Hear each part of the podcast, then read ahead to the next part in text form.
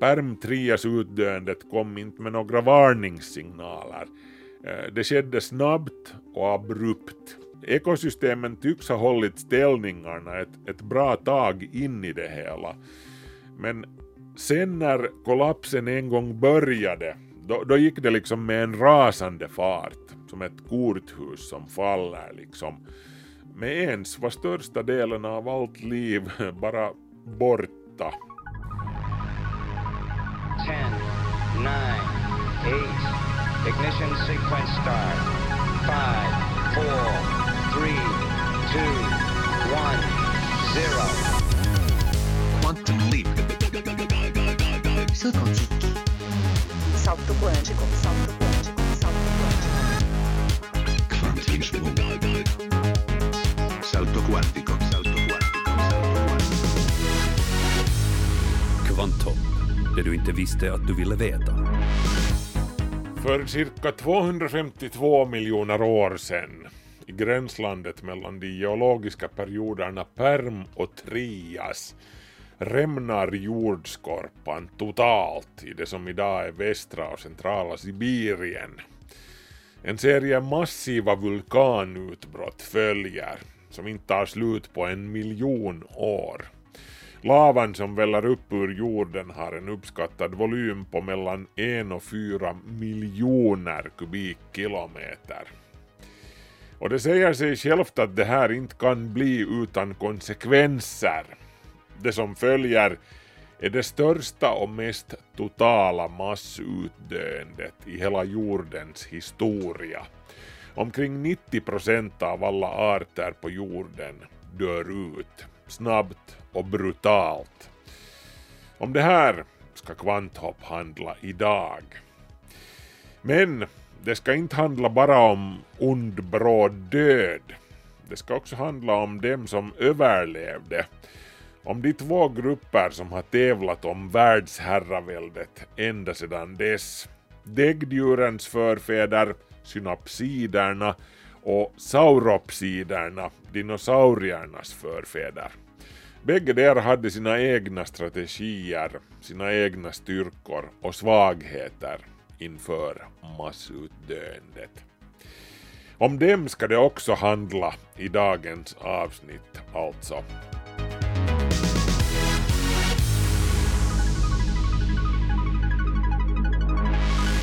Välkommen med, jag heter Markus Rosenlund. Det var den absolut största och våldsammaste serien av vulkanutbrott sedan den geologiska urtiden tog slut för cirka 500 miljoner år sedan. Utbrott av den här skalan är, tur nog för oss, otroligt sällsynta. De skedde i olika omgångar under inalles omkring en miljon år. Den totala volymen på det utslungade materialet beräknas till mellan 1 och 4 miljoner kubikkilometer. Tror du inte på mig? Och väster om Uralbergen och börja gräva bara så ser du. Basaltlavan från de här utbrotten ligger alltså där än i denna dag som ett upp till 6 kilometer tjockt lager.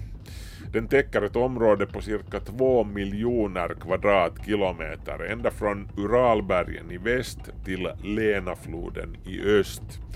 Det här motsvarar nästan sex gånger Finlands areal.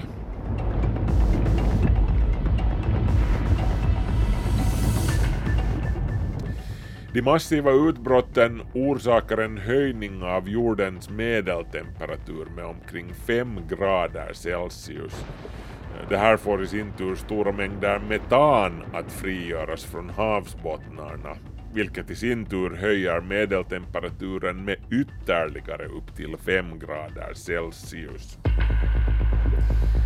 Och som en följd av allt det här dör alltså omkring 96 procent av havets alla arter ut, samt 70 procent av alla landlevande arter. Det så kallade Perm-Trias utdöendet är det mest totala och våldsamma massutdöendet som vår planet har sett. Det har kallats händelsen då det jordiska livet nästan dog. Och då menar jag utplånades totalt. Men alltså bara nästan.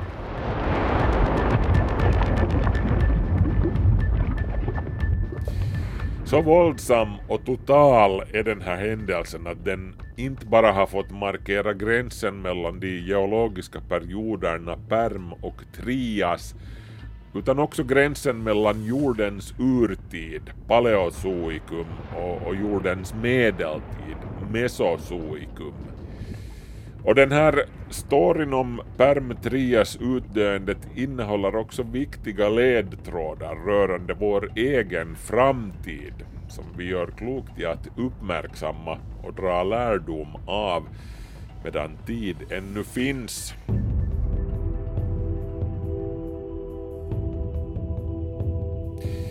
Men innan vi går in på det, hur såg världen ut under den här perioden som ledde fram till katastrofen? Vad för slags period var perm egentligen? Tja, nå, tittar vi på jordgloben, på kartan det vill säga, så ser vi en planet som är blåare än blå. Till största delen täcks jorden av superoceanen Pantalassa men det finns land här också såklart.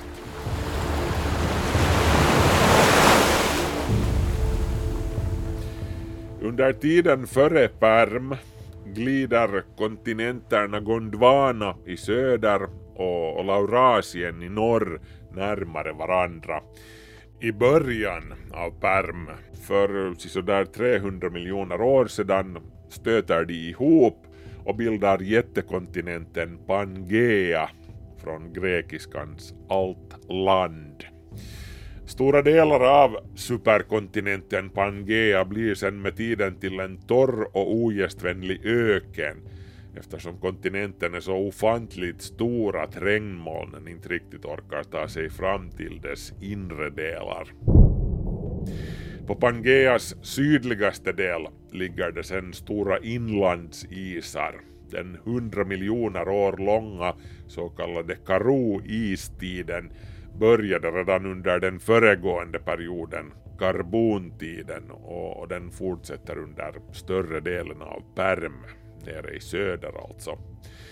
De frodiga sumpmarkerna och, och träsken som dominerade stora delar av jordens landområden under den föregående perioden, karbon, och som gav oss de fossila bränslen som vi bränner idag, Eh, de krymper och ersätts allt mera av barrträd och andra växter som tål torka bättre.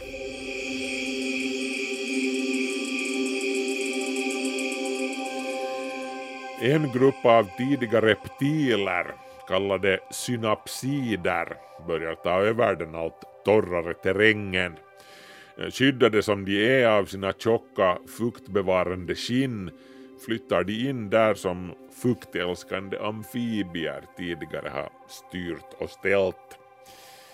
Eftersom de här synapsiderna är kallblodiga är de, är de tvungna att hitta på sätt att hantera de här stora dagliga temperaturvariationerna från nätternas minusgrader till, till närmare plus 40 grader Celsius under dagen.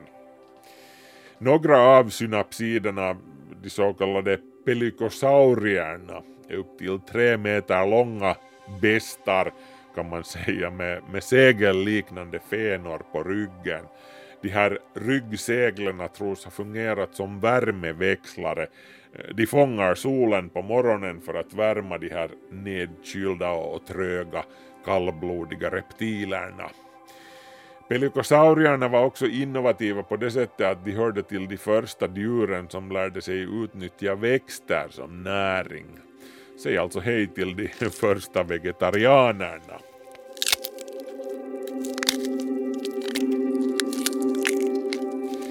Som växtätare behövde pelikosaurierna också utveckla sig specialiserade tänder så att de kunde skära, krossa och, och finfördela de, de sega växtfibrerna, vilket också skedde. Och det här är faktiskt någonting som vi däggdjur har kvar som arv ännu idag, oavsett diet. Olika sorters tänder för, för olika behov. Dinosauriernas förfäder, sauropsiderna i sin tur, de höll sig till en enklare uppsättning universaltänder.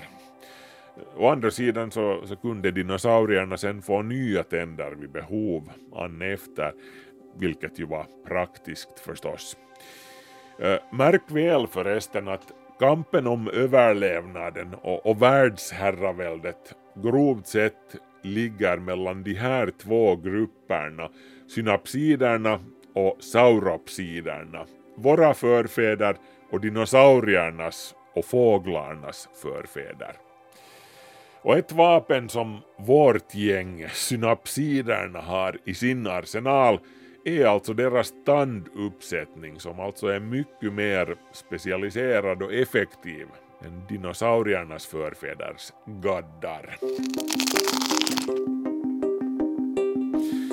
Senare under perm har vi en särskild sort av synapsider, små flinka varelser kallade terapsider, som kommer på en intern lösning för att hålla sig varma. De utvecklar en tidig form av varmblodighet. Tack vare det här kan de nu reglera och, och, spara den dyrbara kroppsvärme som matsmältningen ger dem. Deras aktivare metabolism gör dem ännu bättre på att överleva i de tvära temperaturskillnaderna i Pangeas inre ökenlandskap. Den aktivare ämnesomsättningen gör också terapsiderna aktivare, mera energiska och rörliga, snabbare i vändningarna helt enkelt. Och, och just det ja, en del av dem har hår också. Fossilfynden bekräftar det här. Päls med andra ord. Vilket också är en praktisk innovation om man vill hålla sig varm i ökennattens kyla. Terapsiderna de får med tiden allt flera av de drag som är bekanta från vår tids fyrfota däggdjur, inklusive lemmar som är orienterade mera under kroppen, i motsats till den spretande hållningen hos många reptiler och, och salamandrar. Terapsiderna fortsätter också att utveckla sitt garnityr. Deras skallar har mera utrymme för tuggmuskulaturen än sauropsidernas skallar. De har alltså förhållandevis mera styrka i sitt bett än de, de blivande dinosaurierna. Terapsiderna, inte minst då de som äter kött, är också kapabla att tugga sin föda innan de sväljer den. Det här till skillnad från sauropsidern som alltså sväljer sitt byte helt så som dagens reptiler fortfarande gör. Till och med fåglarna, vår tids ledande sauropsider, gör ju så. Har du någonsin sett en uggla tugga? Nej, exakt. Terapsiderna de utvecklar också en gom som separerar näspassagen från munnen vilket gör det möjligt att andas samtidigt som man äter, vilket åtminstone jag tackar för. En annan sak som du kan kolla in för att försäkra dig om att du härstammar från terapsiderna och inte från sauropsiderna, eh, lägg fingret på tinningen och, känn efter. Bakom dina ögon på bägge sidor har du en tinningsgrop eller fenestra Äh, alla vi synapsider, vi är alltså synapsider, alla vi däggdjur, har en sådan grop per sida i vårt huvud. Sauropsiderna, inklusive dinosaurierna och vår tids fåglar, hade eller har två gropar. Så gnugga alltså din tinning och begrunda det faktum att den där gropen den tog sin form för mer än 250 miljoner år sedan.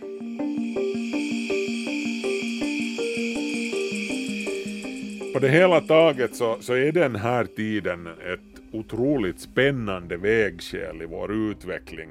Och när jag säger vår så menar jag uttryckligen oss däggdjur.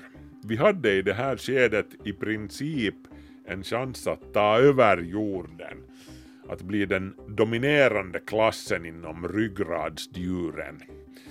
En del av terapsiderna överlever nämligen den kommande jätteutrotningen som sätter punkt för perm, som, som alltså det här avsnittet handlar om, som vi ska komma till alldeles strax.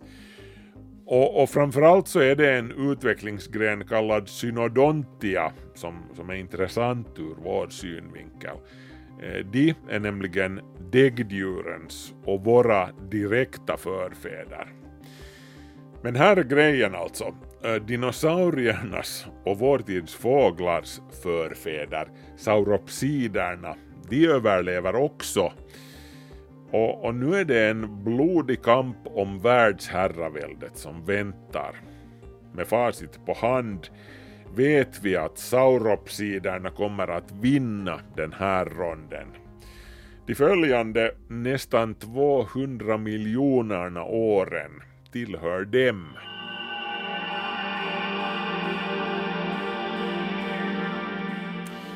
Sauropsidernas hemliga vapen är deras andningsapparat.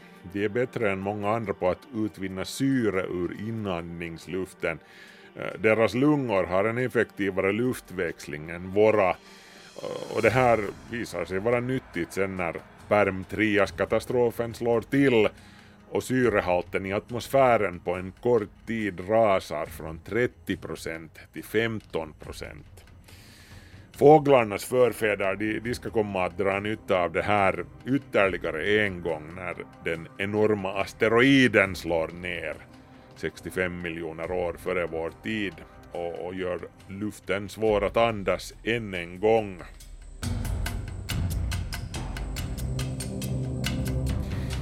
Men våra förfäder då, terapsiderna, protodäggdjuren alltså, eh, de överlever som sagt också Perm-Trias-katastrofen. Och nu snackar vi alltså framförallt om en grupp små företagsamma varelser kallade synodontia. Stora som en rev ungefär är de. Får jag presentera vår urfarfar och farmor, synodontia.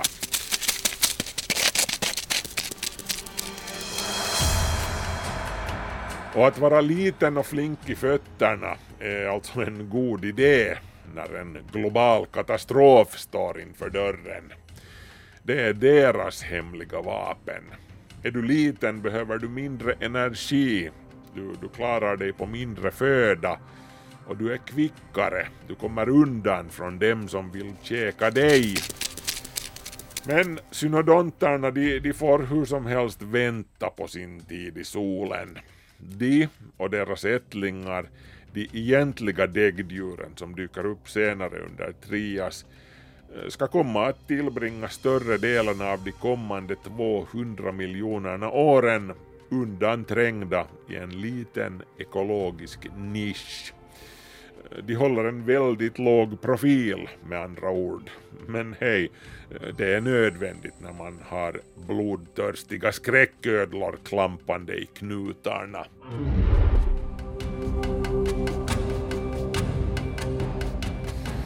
Däggdjuren var under stora delar av Trias inte just mycket större än en råtta. De var aktiva på natten och, och livnärde sig huvudsakligen på insekter. Dessutom så byggde de sina bon i gryt under jorden. Också det här är smart när det är en global megakatastrof i stil med Perm Trias på gång. Eller senare när dinosaurierna vill äta en som frukost. Eh, fortfarande alltså i vår tid är uppemot hälften av alla däggdjursarter av den sorten som bygger bon i jordhålor. Men eh, nu går vi alltså händelserna i förväg. Den som vill läsa eller höra mer om hur det gick till när sauropsiderna i form av dinosaurierna fick övertaget i kampen om världsherraväldet kan kolla in det avsnittet av Kvanthopp som handlar om den där gången då det regnade i två miljoner år. Mer om den storyn alltså i det avsnittet.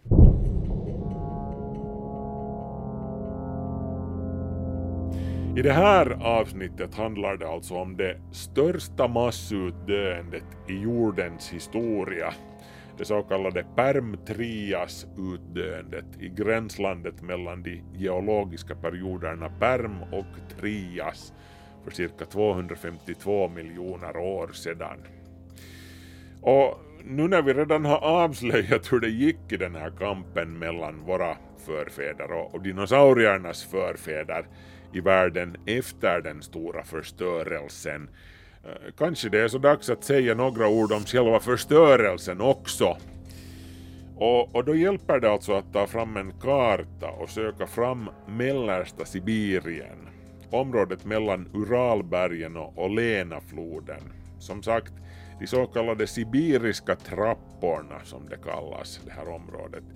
Uh, världskartan såg ju i och för sig väldigt annorlunda ut på den här tiden för, för 252 miljoner år sedan. Pangea och allt det där, superkontinenten, allt land. Uh, men området som vi snackar om låg också då uppe på, på norra halvklotet.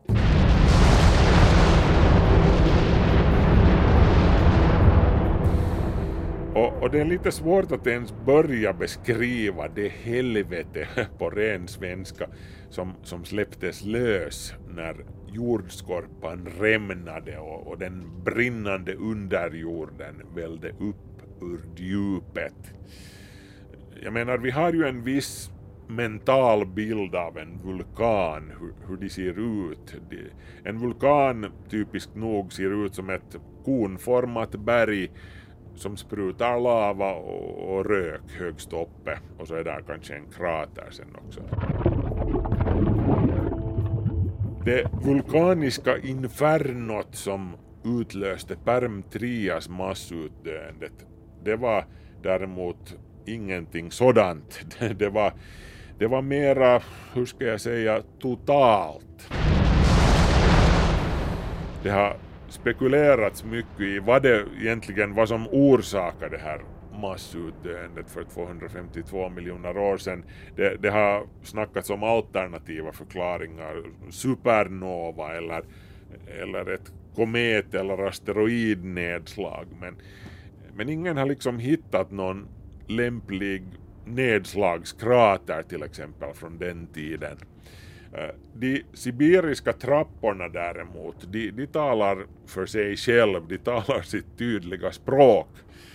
De bildades just uttryckligen vid den tiden när en, en kraftig mantelplym från jordens inre börjar stiga upp och bränna mot jordskorpan och, och får den att rämna. Eh, fyra miljoner kubikkilometer basalt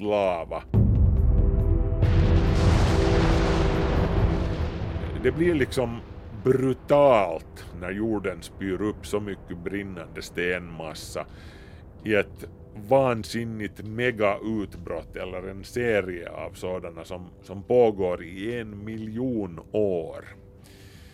Eh, ingenting som vi har sett eller ens hört om från modern tid eh, kommer ens nära eh, Tamboras utbrott i Indonesien 1815 är det, är det största i historisk tid. Det vräkte ut mellan 100 och 150 kubikkilometer vulkaniskt material. Eh, det största utbrottet under de senaste två miljonerna åren, eh, Yellowstones supervulkan i nuvarande USA, producerar i sin tur cirka 2500 kubikkilometer. Eh, skulle det ske idag, Yellowstone alltså, då skulle USA mer eller mindre upphöra att existera över en natt och den mänskliga civilisationen lika så. This cloud would rain down toxic volcanic ash across the entire mainland United States. Wyoming, Idaho... Men det sibiriska utbrottet för 252 miljoner år sedan det var nästan 2000 gånger mera massivt än, än Yellowstones värsta utbrott någonsin. genom tiderna. Som sagt, 4 miljoner kubikkilometer. Det, det täcker alltså en areal som motsvarar närmare sex gånger hela Finlands yta.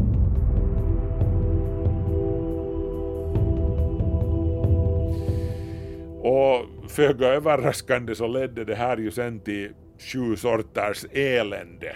Nå, minst sju sorters elände. Till en början blev det en kraftig global nedkylning. Det där som vi kallar atomvinter eller vulkanvinter. Men sen började temperaturen stiga.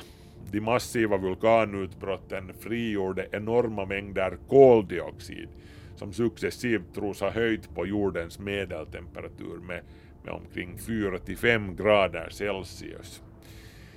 Och, och utbrotten i sig var inte nog.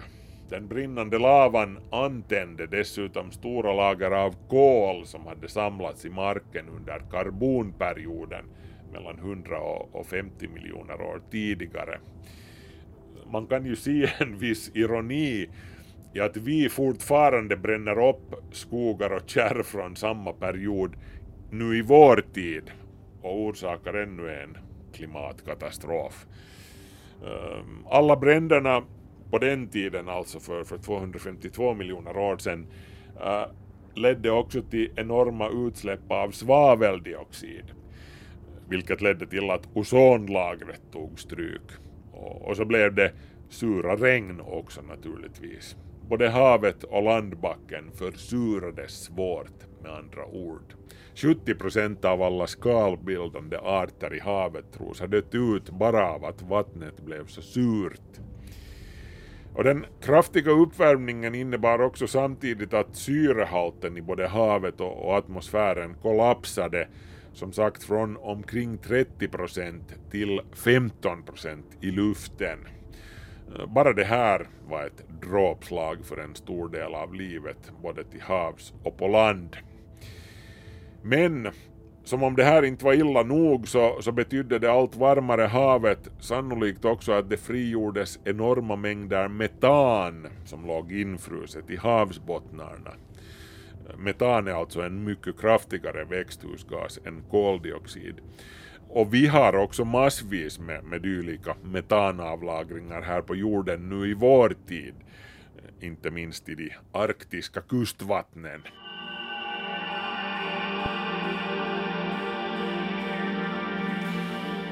Och när den här sortens metanlager går i luften, det är lite som att trycka på turboknappen i den globala uppvärmningen som i det här skedet skenar iväg helt ohämmat. Eh, totalt kan vulkanutbrotten och det frigjorda metanet ha höjt på jordens medeltemperatur med ytterligare 5 grader Celsius inalles närmare 10 grader mätt från början av katastrofen alltså. Det uppvärmda och allt syrefriare havet ledde också till att det bildades giftiga gaser i bottensedimenten. Närmare bestämt vetesulfid som inte bara är giftigt att andas, det luktar som ruttna ägg också världen blev inte bara en dödlig plats, den, den stank dessutom.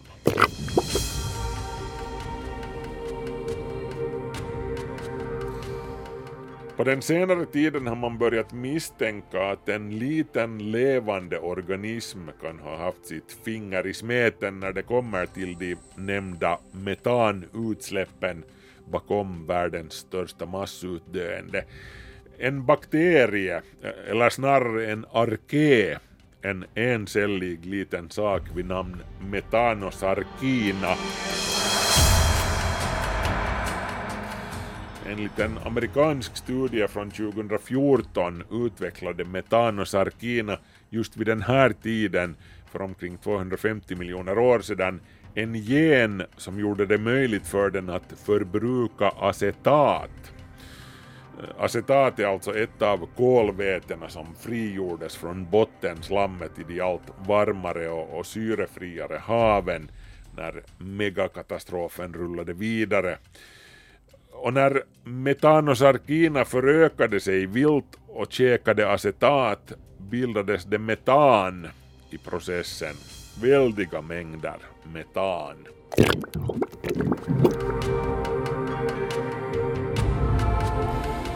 Att metanosarkina kunde göra det här beror sen på ännu en koppling till de väldiga vulkanutbrotten som var på gång.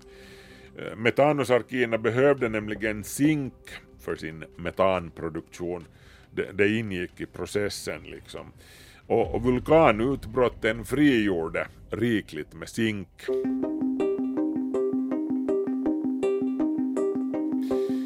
Med andra ord kan en betydande del av metanbomben som briserade vid den här tiden ha utlösts av det jordiska livet självt, av lilla metanosarkinas mumsande. Vissa forskare menar rent av att det var metanosarkinas utsläpp som var den direkta orsaken till allt elände. Vulkanutbrotten var bara en utlösande och påskyndande faktor liksom. Nå, äh, må nu vara hur som helst med den saken, men brutala tider var det ändå då för 252 till 251 miljoner år sedan. Omkring 96 procent av alla havslevande arter gick som sagt åt pipan och uppemot 70 procent av alla landlevande ryggradsdjur. Eh, kan ännu nämnas att det, det här var det enda kända massutdöendet där också insekterna var involverade på bred front. Uh, ajo, och, och som jag har nämnt i ett tidigare avsnitt av Kvanthopp, trilobiterna, havets och hela djurrikets riktiga rockstjärnor som hade funnits sedan tidernas gryning och som var vanliga som rosk på jorden, puts väck fullkomligt utplånade blev de. Inte en enda art av cirka 50 000 arter av trilobiter överlevde. I Nalles överlevde bara omkring 10 procent av alla jordens arter. Jämför det här med massutdöendet efter jätteasteroiden som slog ner och utrotade dinosaurierna för 65 miljoner år sedan. Då överlevde mellan 25 och 50 procent av alla arter. Vissa forskare oroar sig också för hur fort allting gick den gången. Perm-3s-utdöendet kom inte med några varningssignaler. Eh, det skedde snabbt och abrupt. Det hela var över på ett ögonblick mätt enligt den geologiska tidsskalan. Eh, det var liksom inte så att massutdöendet slog till med detsamma som vulkanerna började spy lava och rök e- eller att det skulle ha trappats upp så där småningom. Ehm, ekosystemen tycks ha hållit ställningarna ett, ett bra tag in i det hela. Men sen när kollapsen en gång började då, då gick det liksom med en rasande fart, som ett korthus som faller liksom. Med ens var största delen av allt liv bara borta. Det oroväckande här är att vi ser samma sorts atmosfäriska uppvärmning idag på jorden, bara mycket snabbare.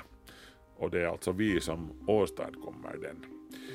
Och, och vi kommer inte nödvändigtvis att få något varningsskott vi heller.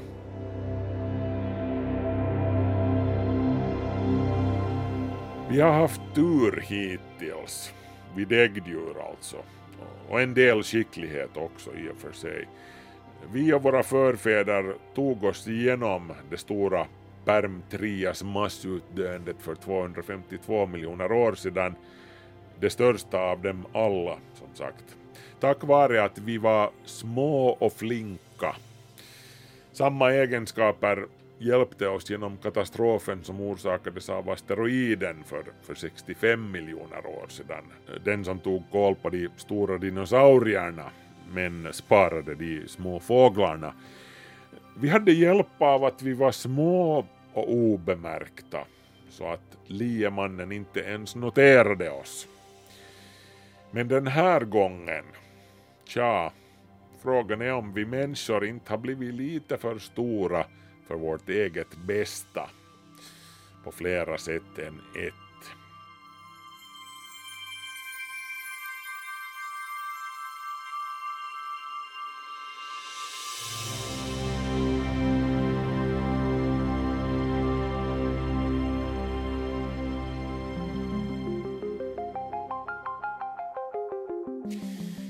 Jaha hörni, livet går vidare och, och veckoslutet går vidare.